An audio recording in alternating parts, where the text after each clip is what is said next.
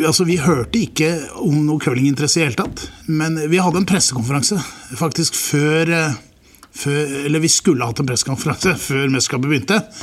Eh, som, da møtte det opp én, og han var fra Bergens Tidende. Og han hadde ikke akkreditering, så vi hadde det i bilen hans på utsiden. Eh, og, det, og der merka vi at det dukka opp flere etter hvert. Det gjorde det. Du hører på Ekstra omgang, en podkast fra VG-sporten, og mitt navn er Mattis Holt. Vi skrur tiden tilbake til februar 2002. På isen i USA er fire nordmenn i ferd med å gjøre det helt store. Fire nordmenn som er langt fra den ordinære idrettsutøver. Fire nordmenn som bokstavelig talt har blitt kjendiser over natta.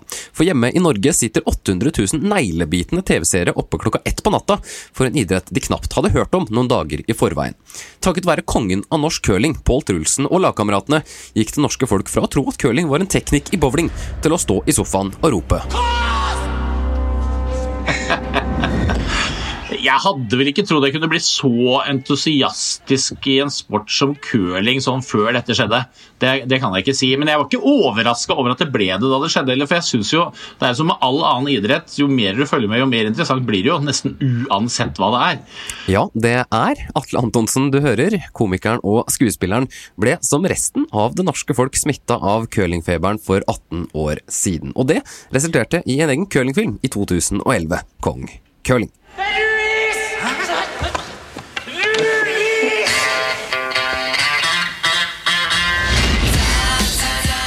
Altså, Det hadde ikke blitt en film om curling med mindre det hadde skjedd.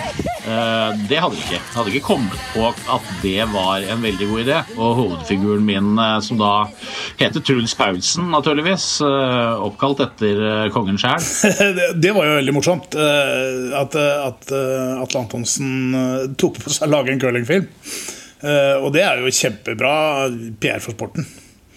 Det er, jo, det er jo hyggelig, det.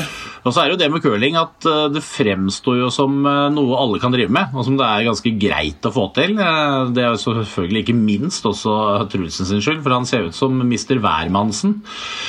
Fyr, han er jo helt åpenbart en fyr fra østkanten, selv om han kommer fra vestkanten. Det, det, rimer ikke i det hele tatt at han er født i Asker Bærum. For han, alt ved han er østkant. Og alt ved han er uh, ikke idrett. Det er det som er så fantastisk fascinerende med den eh, karen. Jeg håper ikke det var meg han parodierte, men, uh, men, men det er en ære, i hvert fall. Det syns jeg. Han, det er mange andre idretter han kunne ha lagd film om. Ja, for at en av Norges mest kjente skuespillere skulle lage en film om curling, det var det ikke mange som så komme på starten av 2000-tallet. Og det ser heller ikke slik ut i starten av OL i Salt Lake City, for mens de norske gullmedaljene hagler i skisporet, så sliter Trulsen og co. i åpningskampen i OL. Altså, Vi møtte jo Sveits førstekampen eh, i grunnserien, og eh, nå hadde vi, det, Dette hadde vi snakket mye om forhånd, for vi begynte alltid mesterskap dårlig. Vi tapte alltid den første, kanskje av og til den andre kampen òg. Dette hadde vi liksom forberedt på at nå skulle vi liksom prøve å snu den trenden. Det klarte vi ikke. Jeg husker, jeg husker følelsen etter den matchen. Det var liksom åh, det løsna, det har ikke løsna likevel, altså. Ja, Det svenske innslaget på det norske curlinglaget Lars Vågberg han angrer kanskje der og da en smule på at han endret til norsk statsborgerskap like før 2002. For det er lite som tyder på at det skal bli noen norsk curlingsuksess i OL. Og selv om resultatene forbedrer seg, så følger det norske folk bare sporadisk med. Frem til 17. februar. Da spiller Norge mot curlingens hjemland, Canada det var ikke den kampen vi egentlig som var viktigst for oss å vinne. Eh, vi regna vel med at eh, Canada ville gå til sluttspill uansett.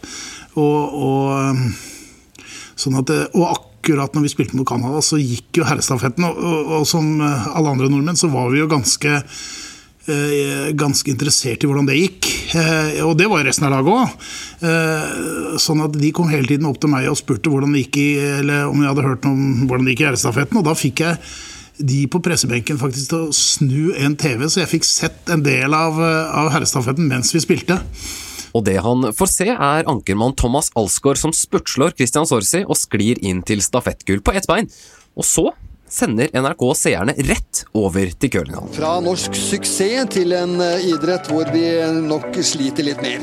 1,2 millioner nordmenn får se Pål Trulsen og lagkameratene sende millimeterpresise steiner inn i boet mot de canadiske verdensstjernene. Og det norske folk er herved introdusert for curling. Hvor mye tror du det hadde å si for den norske curlinginteressen under OL? Ja, Det tror jeg var ganske mye. Eh, alt dette visste jo ikke vi. Og vi tapte jo den kampen mot Canada. Vi tapte greit òg, for så vidt. Det var, var, vel ikke stor tvil om at de skulle vinne den kampen. Og, men etter kampen så sa faktisk de canadiske gutta at, det, at det, the Norwegians played passum, altså at vi, vi tapte med vilje. De mente at vi tapte den kampen med vilje. Eh, hvor alvorlig det var, vet jeg ikke, men, men han har på en måte litt rett, da, for det var ikke den kampen vi ga mest i. Og selv om de norske curlinggutta taper den kampen mot Canada, så blir likevel det norske folk bitt av basillen. For det er noe helt spesielt med disse fire 40-åringene som sklir over den amerikanske isen på hundretusenvis av norske TV-skjermer. Pål Trulsen, Lars Vågberg, Bent Aanu Ramsfjell og Flemming Davanger er langt fra noen Kjetil André Aamodt, Ole Einar Bjørndalen eller Kari Traa. De er enkelt og greit ikke som alle andre idrettsutøvere litt sånn, eh, om ikke Noldus, så i hvert fall en litt sånn streitinggjeng. De ser ut som optikere, liksom. En to-tre av dem, og kanskje en revisor, pluss da Trulsen, som absolutt ikke gjør det. Eh, så du føler sånn Jøss, er dette idrettsfolk, altså? Jeg tror det er eh, altså, Også er jo Norge et litt land for Går an å si at vi er et land for litt antihelter, da. ikke sant? At de som er litt annerledes, de uh, de får litt oppmerksomhet pga. det. da. Uh, og så var det jo selvfølgelig hele rekka av at alt gikk vår vei. For det var jo ikke kun Trulsen og laget hans sin fortjeneste at dette gikk bra. For nei, tapet mot Canada hadde til slutt null og niks å si, og da Sverige roter seg bort mot Norge i siste grunnseriekamp, så er det Sveits som venter i OL-semifinalen for andre gang i mesterskapet. Så jeg likte jo alltid å spille mot lag i sluttspill som jeg hadde tapt mot i innledende. Eh, noe av årsaken til at vi ikke var så veldig opptatt av å slå Canada i innledende heller. Vi, altså, vi taper jo ikke med vilje, og vi vil jo gjerne vinne. Men, men, det er vel andre kamper vi ha mer i. Men vi ville gjerne ha Sveits i semien. Vi anså Sveits som kanskje det letteste laget av de, de, de vi kunne møte i semifinalen. Så vi var jo full av selvtillit. Vi hadde gjort masse, masse, masse gode matcher. Uh, så når vi kommer til den matchen der, så tenkte jeg at dette vinner vi. Så ja. det var ikke mye som tydet på det når matchen starta, da, eller når den eh, kom i gang. Vi var ganske ja, på hæla hele veien. det må jeg si. Ja, skal vi følge den helt fram, men en eh, prikkfri sten av eh, Andreas Waller og Sveitserne tar en 6-3-ledelse. Vi har kjørt. Ja. ja, det, det, det, sa jeg til Pål òg, men det var, altså, det var, en situasjon der matchen de lå altså så mange steder. Vi måtte, det som vi sier, vi måtte fryse bort, så han kun kunne få tre, han kunne få fire-fem sikkert. Altså. De spilte drømmecurling. Vi var helt vi, hadde, vi spilte jo ålreit, men vi fikk ingenting. De spilte helt formidabelt, altså. Så det, på spørsmålet hva tenkte du da, det kjørte kjørt. Og det skulle jo vært det. 6-3 står det altså til Sveits med to fattige omganger igjen, og Norge ligger dårlig an i den niende også. Det er en slik ledelse selv hobbylag ikke klarer å rote bort, og i alle fall ikke et storlag som Sveits i en OL-semifinale. Men så skjer det uventede. Sveitserne begynte å bli veldig preget utover kampen. Jeg tror det sånn etter pause og jeg sjette, syvende omgang så begynte det å gå opp for dem at dette kan vi vinne. At nå kan vi være i OL-finalen. Så det så til og med eh, at det, eh, altså De endra nesten ansiktsfarve. Eh, han sveitsiske skippen han, nesten, han fikk et grønnaktig skjær nesten i ansiktet. Han var så nervøs. Og, mens jeg tror ikke vi var så preget av det som det de var. Og så var det vel før Var det niende omgang, var det det? Hvor det var en eller annen amerikaner som kastet noe, noe sånn eh, papir på banen. Eh, jeg lurer på om de hadde fått var noe utdeling av Trist eller et eller annet i publikum. Et eller annet som hadde fått noe godteri. så var det en eller annen foran en eller annen tulling i publikum som uh, kasta ut den sånn midt på banen. Og vi, jo, vi, spilte jo på banen som var nærmest tribunen, tribunen. Hvis det kommer en liten liten bit av det papiret, så, så plukker du og Du kan steinen stein forandre retning.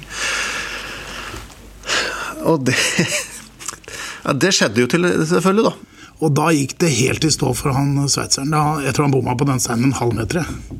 Og da stjal vi en til, og så ja det skjedde noe rent psykologisk der, altså. Det var ikke noe bestillingsverk fra vår side, det kan jeg si. det kan godt hende han hadde kollapsa uten den papirlappen òg. Men at det er i ferd med å gå opp for deg at uh, vi er så nære drømmen, altså våre drømmes, drømmemålet vårt, da. Så jeg kan ikke forklare det annerledes. Hvor mye hadde den nære papirlappen å si? da? Den hadde jo så mye å si at vi vant det, den semifinalen, tror jeg. For etter det så var, det, så var de jo nesten helt borte. Oi, oi, oi.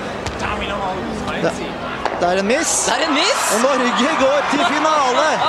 Har du sett på maken, Andreas Schwaller?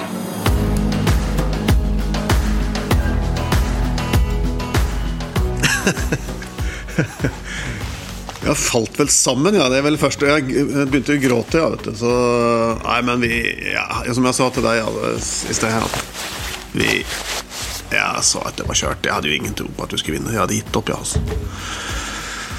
Uh, nei, det var en total kollaps av sjokk og glede.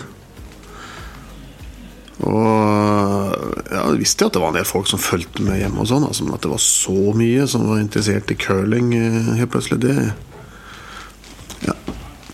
Det var ekstra moro, spør du meg, altså. Siste, siste amatører som klarte å kave seg ut på isen der og var med og Nei, det var, det var, det var gøy. Det var gøy, og jeg kollapsa jo av, av glede, rett og slett. Ja, altså. Jeg følte meg som en vinner uansett. Jeg var i finalen og Jeg følte jeg hadde lave skuldre, altså. Vi var vinnere med å ha kommet oss til finalen og så spilte mot datidens store lag, da, Kevin Martin. Han var jo regna som den beste curlingspilleren på den tiden, og var, de var jo det klart beste laget i verden. Og, og, på mange måter så hadde de fortjent på å vinne dette OL òg, for de var jo det beste laget under OL. Oh, oh, Pell and I played each other a lot, especially at, in those years. So that didn't surprise me that we had to play uh, uh, Trolson in the final. No, terrific team, and uh, we knew it'd be a really good game, and it was a really close game, right to the very, right to the last inch.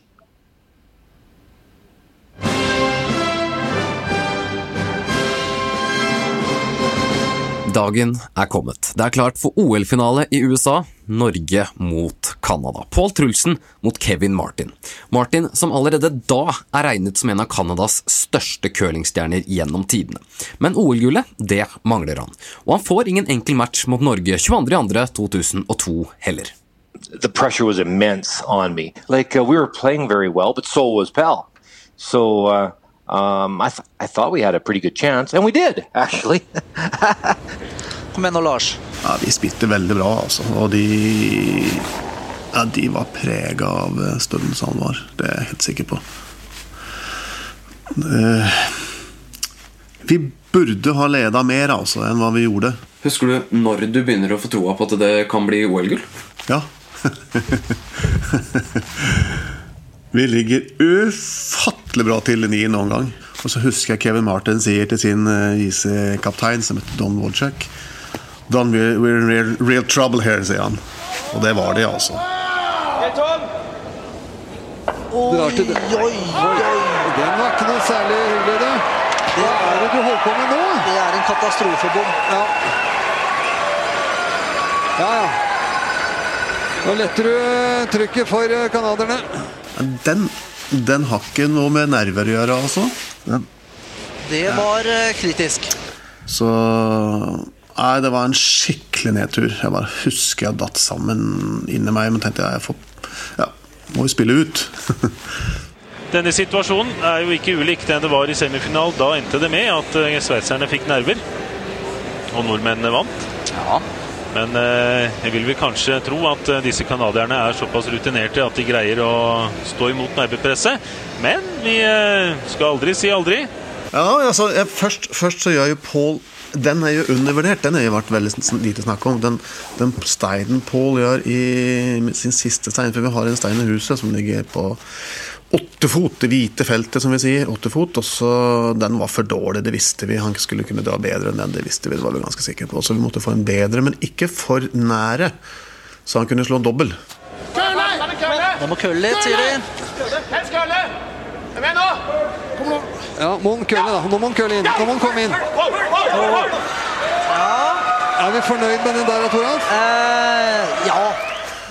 Så, så på, også, det var ikke all verden av curl, altså skru på den banen der heller. Altså. Så Pål gjør en skikkelig skikkelig bra siste stein, og det er bra teamwork, hele laget som utfører den steinen der. Altså. Vi kunne ikke ha fått plassert den bedre. Hadde vi vært litt kortere, hadde han slått dobbel. Da hadde det vært for lite avstand mellom de. Altså. Det ble akkurat det der avstanden til at han måtte dra, det var det vi håpet på han skulle gjøre. Altså. Så den siste steinen til Paul den er kjempebra. Den har vært for lite snakket om, egentlig. altså. Dermed skal alt avgjøres på siste stein i OL-finalen. Det står 5-5, og Kevin Martin har alt i sin hule hånd. Han skal bare gjøre det han har gjort 100 ganger før i karrieren, plassere steinen sikkert i midten. Nå har han puls. Kevin Martin. Altså, vi- vi hadde jo ikke noe tro på at han skulle bomme på den steinen. Han gjør jo vanligvis ikke det, da. Og så er det jo det var jo en pressa, Han var jo i en pressa, pressa situasjon. altså Det var ikke noe, det var ikke noe lett oppgave, for så vidt. Jeg hadde vel gjort den sikkert ni av ti ganger, i hvert fall eh, hvis det hadde vært en vanlig omgang. eh, Men i en siste en i Nordfinale, så det er ikke noe lett oppgave å gjøre. Så er Stein på vei. what happened was I got a little bit inside, and now you're in trouble because now if you sweep it, you're going to be too deep. If you don't sweep it, we're going to rack with the rock, um, the rock in the top eight foot. So now you're sort of in, uh oh. Nei, Jeg sto jo bak der, som jeg skal gjøre, jeg da, og venta på å, takke for kampen, egentlig, og gratulere. Det, var, det sto sammen med Lars, da, som er uh. Og vi blei jo, vi ble jo litt sånn Vi sto jo og så at den var hard, og da begynte vi å håpe, ikke sant? Så kommer vel halvveis, og så husker jeg de roper til de kosterne da, som, som skal følge med steinen. Da. De roper ned til eh, visekapteinen Don Wojcik. It's heavy, Don. It's real heavy. It's heavy. Den er tung, sier de kanadiske spillerne. To av gutta på laget sto og tok tiden på å ta en sånn split-tid, eh, mellomtid, da kan du si, mellom, mellom eh, s- Eller fra backline til hogline. Eh, sånn at, og de sa han var altfor hard. Sånn at jeg, jeg visste jo det at han ville, ville bli for hard. Og, og så husker jeg måtte si til Lars Du, Lars, jeg tror det er lurt at du går og koster bak. Mm. Uh, well, my hand, I was thinking about the line. we're a little bit too tight here for the line, so I got to sweep it. But then Donnie Bartlett, the sweeper, is going, Kevin, you're a little bit heavy. So then, by halfway down the ice, I yelled to Walchuk, let's play the tick off the front one. Ja, så er det litt febrilsk kosting her nå, da. Og så sier vi need a piece of it, for vi hadde jo en stein som lå litt foran i huset, og da skipper Dan Wolchuk, da. Altså han prøver å dirigere den på å ta den tynn, tynn, tynn, tynn foran, for å skli inn som beste stein. And that, that was the attempt uh, as the rock went down the sheet. And, and Walchuk did a good job of it. We did tick the front rock. Den tynnkysser, og da er jo spørsmålet hvor mye Ja, det kan det være et halvt sekund. Den tynnkysser før jeg får koste fra T-line. Men i den tynnkysser så er jeg usikker på hvor mye fart den har mista. Nå kommer han inn. Nå kommer han. Her kan det avgjøres. Hva skjer nå? Det er den borti den norske. Nei!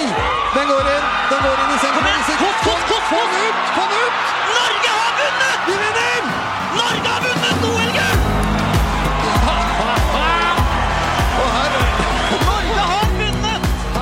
Lars Vågbergs febrilske kosting blir forskjellen, og bildet ovenifra av at Vågberg strekker armene i været, har blitt selve symbolet på det sensasjonelle norske OL-gullet. Så hadde jeg lent meg over kosten, så når jeg reiser meg opp, så fikk jeg sånn stjerne, stjernehimmel foran øynene. Så jeg husker jeg tenker jeg må ikke tryne. For jeg var helt Jeg kjente at jeg skulle opp, så fikk jeg sånn stjernehimmel, rett og slett.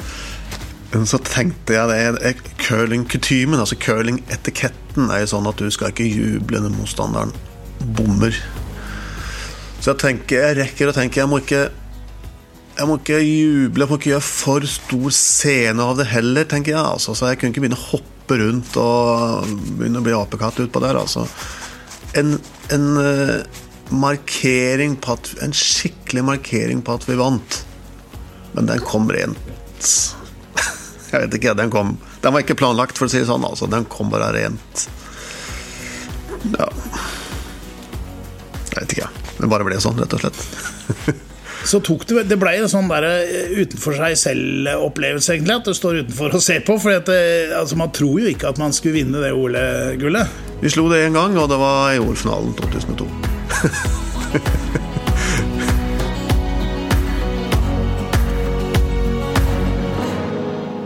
Var, da var jeg med. Det er ikke så ofte lenger eh, at jeg er sånn superentusiastisk foran skjermen. Det er vel bare hvis Liverpool eh, spiller og og klarer å snu, snu de siste øyeblikkene litt sånne helt spesielle ting. Men eh, jeg har jo blitt litt sånn metta på ganske mye idrett og sport, så det er en veldig deilig følelse når man kunne få opp litt eufori i sofaen, for det gjorde jeg da. Da syns jeg det var ordentlig morsomt. og Nei, det, jeg, Om jeg ikke hoppa i sofaen, så var jeg i hvert fall på beina da det gikk. Og det er antihelter på banen. altså Det er på en måte som om Vazelina Bilopphuggers skulle gjort det kjempebra i et eller annet som ikke er det de driver med i det daglige virket. Jeg synes jo Det er Det har alt hell på absolutt alle områder, og det merka man jo på det norske folk også, for det var ekstreme tilstander hos mange. altså.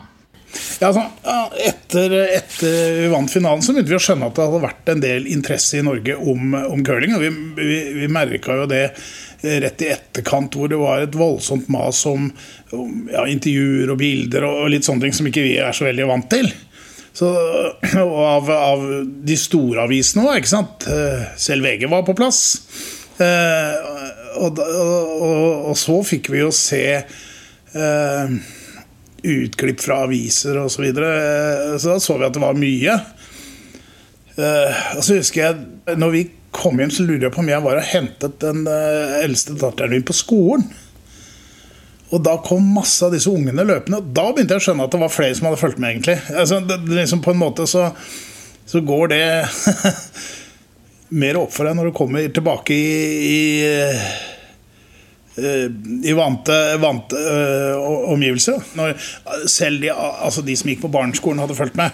Nei, er, jeg tror det blir en såpass stor hit øh, med den kombinasjonen som jeg nevner med bl.a. disse antiheltene som er på isen. Det minner ikke om noen sport eller idrett du behøver å øve seg Jeg minner jo mer om et slags brettspill. Uh, og noe du føler at du kan nesten gjøre sjøl. Det fungerer på samme måten som eh, dart, liksom. Uh, Riktignok på den skiva med barneregler, men uh, ja. Nei, jeg tror det er en kombinasjon av det. Pluss at ingen så det komme. Ingen forventninger, ingen verdens ting. Og så heiv jo alle seg på samtidig, og så begynte jo pressen å, å, dekke det mer, og det kom mer og mer på skjermen, så det ble jo en Nei, det er sånn hitter oppstår. Ja, jeg tror jo at eh, det er fordi at vi kanskje er litt mer folkelig enn eh, mange av de andre idrettsutøverne som, eh, som vi har. Du trenger ikke å kunne løpe rundt Sognsvann på 7,5 minutter for å, for å vinne OL-gull. Og akkurat det er Trulsen og co. et levende bevis på. Eventyret om elektrikeren, læreren, konsulenten og ingeniøren som slo verdenseliten, har gitt håp til tusenvis av unge curlingspillere rundt om i landet siden 2002. De fire amatørene, idrettens Vazelina Bilopphuggers, gjorde trolig mer for sin sport på de tre ukene i Salt Lake City enn noen andre har gjort for andre idretter i Norge noensinne. De skapte en helt ny folkesport. Altså For curlingsporten betydde det veldig mye. På den tiden hadde vi tre curlinghaller, nå har vi 14. Uh, og at uh, nå vet de aller fleste, i hvert fall de som er født uh, før 1995, da, som var gamle nok til å se på OL i 2002, vet hva curling er. For hva betyr mest nå?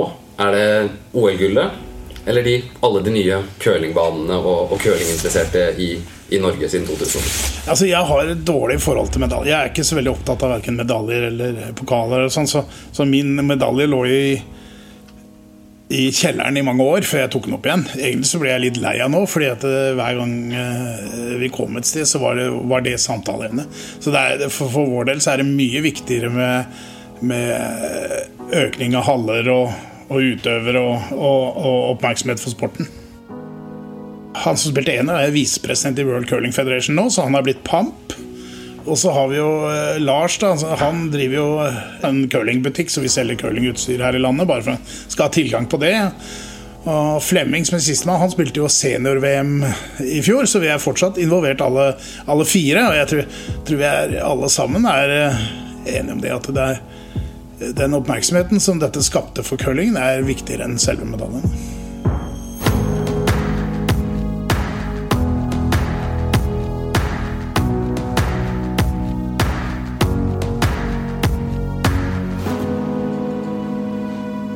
Du har hørt ekstraomgang fra VG-sporten da Norge fikk curlingfeber av Vegard Aulstad og Mattis Holt. Teknisk produsent er Magne Antonsen.